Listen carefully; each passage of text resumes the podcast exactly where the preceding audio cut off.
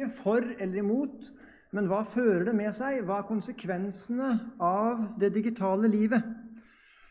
Og mesteparten av det jeg vil si noe om, det har jeg henta fra den boka her, som heter 'Irresistible', altså uimotståelig. Veksten, eller fram, framveksten av avhengighetsskapende teknologi og businessen med å holde oss på kroken. Og så sier han noe om det at i tidligere tider så var det nikotin, det var alkohol, det var opium.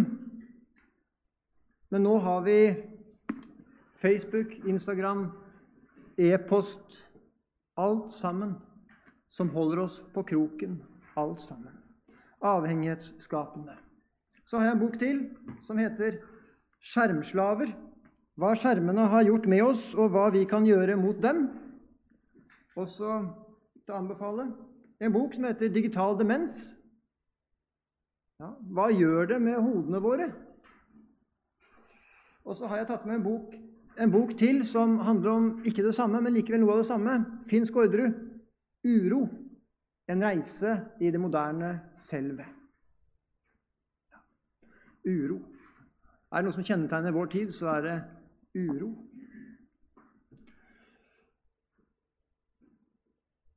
Vi skal ha tid til eh, samtale, så jeg skal ikke holde på altfor lenge, sånn som alle andre har sagt som har stått her.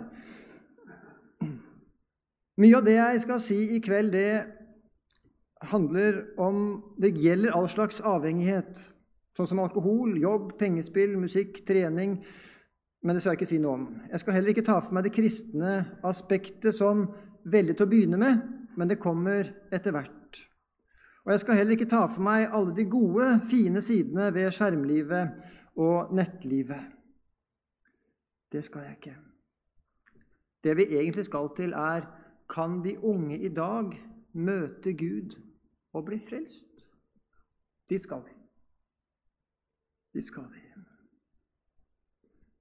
Denne boka altså, den fikk jeg kjennskap til fordi jeg gikk og hørte på radioen. Det var et intervju med Skavlan for fire år siden eller på Skavlan. Og der var overskriften over den samtalen som ble holdt der. Og det var intervju med han som har skrevet den boka. Et intervju hvor overskriften var En undersøkelse viser at halvparten av de unge heller ville brekke håndleddet enn at telefonen knuser. Ja, altså De kaster seg heller til telefonen for å redde den enn at telefonen skal knuse. Hvorfor det? Jo, fordi det er en ekstrem avhengighet, og særlig våre barn og unge utsettes for den. Skal ikke jeg stanse ved alt det jeg har sagt tidligere om det? Det foredraget her har jeg holdt flere ganger tidligere. Men det første kapittelet i denne boka her, det heter Den er jo på engelsk, men det er omtrent sånn som følger De smaker ikke på varen de selger.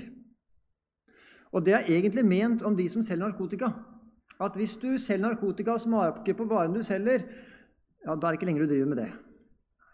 Det samme gjelder altså de som driver med IT. Veldig mange av de er veldig restriktive i forhold til sin egen familie. i forhold til IT. Steve Jobs' historie er jo veldig kjent. ikke sant? Når han presenterer iPaden 2008, så får han mange gode spørsmål. Hva sier barna dine bl.a. til iPaden? Han sier jo hvor fantastisk den er i alle ting. Eh, ekspert på markedsføring, ikke sant? så sier han mine barn har ikke iPad. Mine barn får ikke iPad. Og, og dette første kapitlet handler også om at det er en privatskole i San Francisco utafor Silicon Valley, hvor flere av disse selskapene har sine gigantiske hovedkontorer. De aller fleste. Og denne privatskolen er ekstremt restriktiv på skjermbruk. Hvorfor er den det? Jo, for de vet det at hvis de skal få sine barn til å være kreative, ha konsentrasjon, ha evne til å tenke nytt, så kan ikke de føres inn i skjermverden. Da må de være kreative. Da må de gjøre det som andre barn gjør. Leker, springer, bygger ting, lager ting. Og Da jeg skrev dette manuskriptet for fire år siden, så var det den siste måneden da var det fire saker om skjerm som jeg plukka opp. Og Det første saken det var at an anmeldte seksuelle overgrep mot unge fra unge mellom 14 og 18 år økte kraftig. Og Det ble uttalt at unge gjennom film, nett og sosiale medier har fått en annen og ny forståelse av grenser og respekt for seg selv og for andre. Det andre punktet var det at eh, det hadde kollidert en buss og en lastebil i Oslo-området. Og Lastebilsjåføren ble skada, og hun fortalte i ettertid at istedenfor å hjelpe henne, så tok de bilder av henne, de som kom til.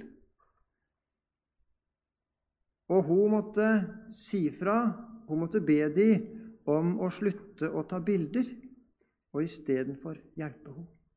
For hun satt Jeg vet ikke om hun satt fast, eller hva hun gjorde. Og så var det en kommentator i radioen som sa etterpå at det massive medietrykket og alle inntrykkene menneskene nå får fra spill, nyheter og film, gjør at det i praksis blir vanskelig for folk å forholde seg til virkelige situasjoner.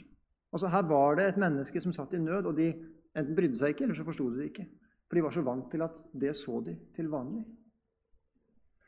Virkelighetsforståelsen var blitt annerledes. Og så var det en helsesøster som sa på Dagsnytt 18 at hun var skeptisk til at barn så på skjerm når de spiste på skolen, fordi de gikk glipp av samhandling.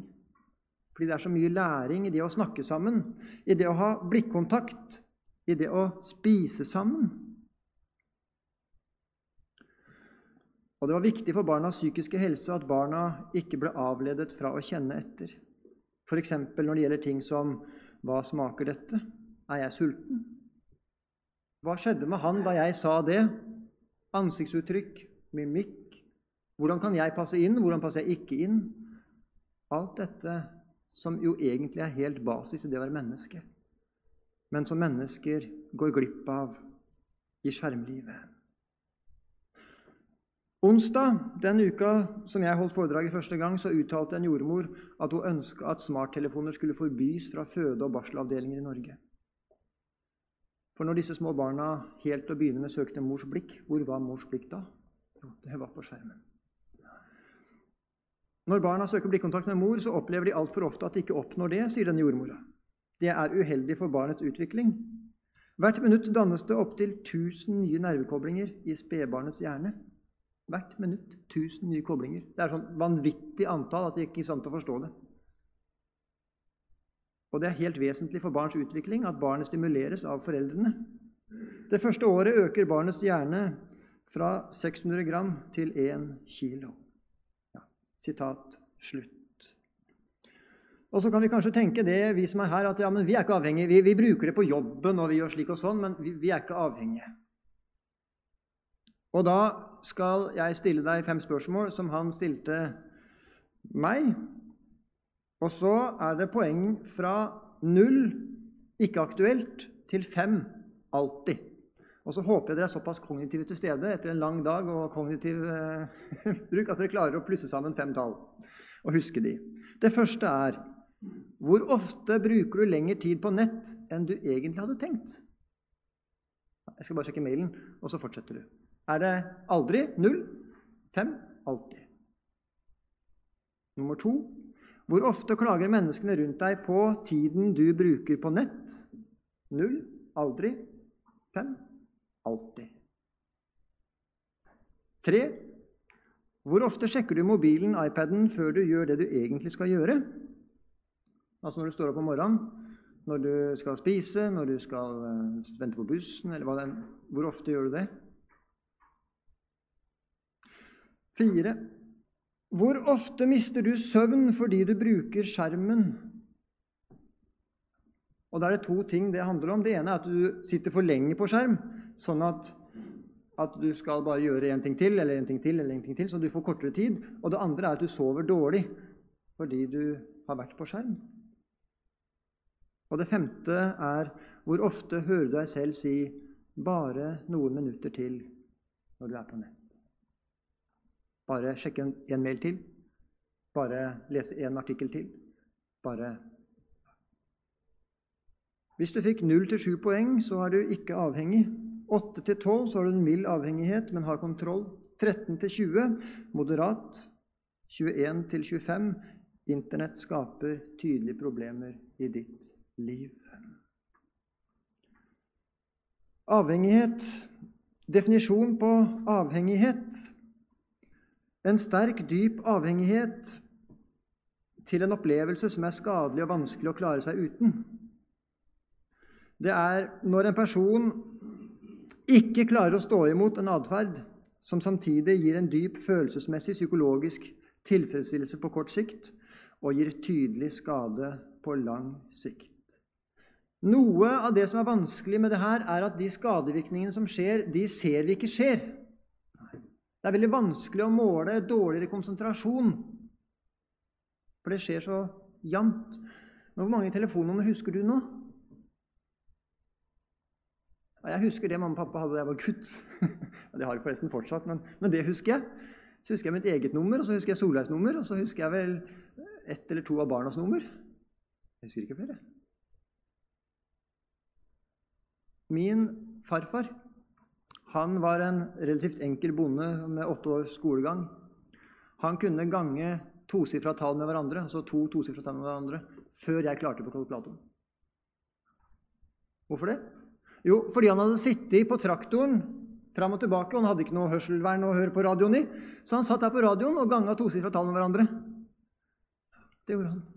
Det var hans tidsfordriv. Der var han. Og Jeg husker vi var mektig imponert, vi barnebarna. 68 ganger 35. Og før jeg fikk tasta det inn, så kunne han fortelle meg det. Han kunne fortelle meg åssen han fant ut også, men det lærte jeg jo aldri. Nei. Mange av disse skadevirkningene Kognitiv svikt, som jeg snakka om nå, det er hukommelse, konsentrasjon, depresjon, angst, schizofreni, psykisk sykdom ellers, uro, overfladiskhet, samhandling, empati, hukommelse. Det kommer av stress. Alle sammen kommer av stress. Og noe av det som skaper mest stress i våre liv, det er mange inntrykk. Og det her er noe det er mange inntrykk i. Depresjon, angst, sånne ting som det, er det vanskelig å måle at øker eller går ned. Man bare føler seg nedstemt. Man man syns det er vanskelig med mennesker. Man, man liker ikke å være i den situasjonen som er nå. Uro likedan. Evnen til å konsentrere seg over tid med en oppgave. Det sies det at hvis du skal ha dyp konsentrasjon om en oppgave, noe vi veldig sjelden har, så tar det 20 minutter hvis du blir avbrutt før du er på samme sted igjen. Min pappa han har jobba i norsk skole siden 1983, og han sier jo det at eh, de matematikkoppgavene man kunne gi til en åttendeklassing i 1983, det kan du ikke gi på videregående nå. Hvorfor ikke det? Fordi vi er dummere. Rett og slett dummere. Evnen til konsentrasjon er dårligere. Evnen til kognitiv oppgaveløsning er dårligere. Og folk gidder ikke lenger, for det her er ikke moro. Hvorfor skal jeg drive med det her når det ikke er moro? Det siste kapitlet i denne boka her heter gamifisering. Altså, vi oppdrar hjernene våre og vi oppdrar barna våre til at hvis det skal være noe som er verdt å gjøre, så er det morsomt. Og hvis det ikke er morsomt å gjøre, så er det ikke verdt å gjøre. Vi skal stanse litt kort ved hva det gjør i kristenlivet. Er det sånn det er å være en kristen? Nei, det er det Hvorfor skaper skjermlivet avhengighet? Jo, det er jo litt forskjellig. Noen i den boka Han snakker bl.a. om noen de han prøver å få kontakt med. De svarer ikke på mail. Hvorfor ikke det? Jo, for de har kutta ut å bruke mail fordi det skaper et sånn stressnivå i deres liv. Ikke fordi det er ubehagelig, altså, men fordi det kommer så mange av de, og de må forholde seg til de, og de må svare på de, og det må ligge i hodet. Jeg må svare på den, svare på den, svare på den, ikke svare på den. Langt svar, kort svar. Og så bare kutter de ut. Og så sier du 'ring meg mellom da og da'. Og en har brukt 14 dager på å få tak i. Ja. Selvfølgelig det er dårlig business på en måte, men, men hvis man skal holde seg frisk, så mente han at det var bra for ham. Alle er ikke like sårbare som disse personene her. Alle er ikke like sårbare som meg. Noen takler det helt fint. Noen tåler det helt fint. Det er bare det at det viser seg så seint om man tåler det eller ikke tåler det. Og jeg tenker hele vår tid er prega av at menneskene tåler det fryktelig dårlig. Og så er det sosiale medier. Få av oss har mennesker rundt oss som 10, 20 eller 50 ganger om dagen forteller oss at de liker oss, er glad i oss, bryr oss om oss, syns vi er flinke, morsomme, oppmerksomme, pene, omtenksomme, utholdende eller hva som helst annet som vi liker å høre. Men det gjør Facebook. Det gjør Instagram. Det gjør Snapchat. Det gjør Jeg kan ikke navnet på alle sammen, for jeg har ingen av dem. Det gjør de. Og det gjør noe med oss. Vi blir sett, og det gir oss en opplevelse av å bli sett. Og viktigere, det blir viktigere å få mange likeklikk enn det å bygge relasjoner til nærmeste familie og venner. Mange likes, det øker behovet. Hvis du får 300 tommel opp og hjerter på et bilde, så er det dårligere enn 500. Sånn er det bare. Fikk du fem i går, så er det dårlig med to i dag. Og de firmaene som driver med det her, det er blant de største i verden. Både på omsetning, på verdi og på tid som brukes på dem. Så de eier veldig mye av oppmerksomheten vår. Og det gjør også at de er i stand til å bruke vanvittig mye penger på å gjøre oss avhengige. Og de er gode på det. Og det oppleves veldig verdifullt. Og tilbake her På det gode digitale livet så ser vi det at eh, jeg har sosiale medier også på det gode. Og hvorfor har jeg det? Jo, det er praktisk. Det er praktisk. Det er mange gode, praktiske ting i det. Det er ikke synd med sosiale medier. Det er, det er ikke destruktivt i alle ting. Men det er sånn at det er med på å fange oss, akkurat som andre ting er med å fange oss. Nyheter er jo ikke synd, men hvis det er der livet vårt blir, så fanger det oss. Det diktale livet, hva fører det med seg? Det fører med seg at det blir rot i dopaminbalansen. Jeg kan ikke veldig mye om dopamin, men, men det er jo et signalstoff i hjernen som, som, utløses, og som hjelper oss med å velge de gode tingene. Et smil utløser dopamin. Samhandling mellom deg og meg utløser dopamin. Det å gjøre en god jobb utløser dopamin. Gode tilbakemeldinger. Ja, Ting som er bra, gir tilbakemelding. Det gjør også heroin. Det er derfor det er så avhengighetsskapende. Det gjør også kokain. Og det gjør også skjermlivet vårt. Jeg tenkte jeg skulle begynne timen i dag med å be alle sammen skru av telefonen sin, men jeg turte ikke. Jeg vet ikke hvor mange av dere som har kjent det at telefonen rister i lomma uten at den gjør det. Jeg vet ikke hvor mange av dere som i løpet av Hvis lyden er av, hvor ofte dere da tenker at Oi, kanskje det har skjedd noe? Kanskje det har skjedd noe? Kanskje, kanskje jeg må fordi at det gjør noe med vår oppmerksomhet. Og det som i realiteten gir livet mening, blir kjedelig. F.eks. oppvask. Hvorfor gjør oppvask livet meningsfullt? Jo, jeg har spist. Jeg har mat. Jeg står på et sted hvor det er trygt å lage mat. Og, og, og De fleste av oss har noen vi har mulighet til å lage mat sammen med eller spise sammen med. Det er meningsfullt. Det er verdifullt. Det blir ryddig når jeg har vaska opp. Oppvask det er noe av det mest meningsfulle som er i livet. Men når vi preges på at alt sånt er kjedelig, da blir det forferdelig vanskelig å styre livet vårt godt.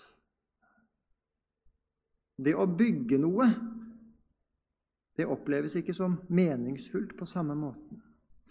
Avhengighet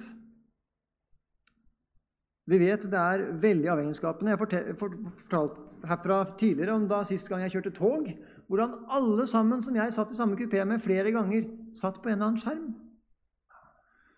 Noen satt sikkert på noe nyttig, altså, men likevel en avhengighet. Ingen som snakka med noen. Ingen som så noen andre heller. Det gir feil selvbilde. Feil selvbilde. Og det gir feil oppmerksomhet rundt selvbildet. Som kristne så er ikke ditt og mitt mål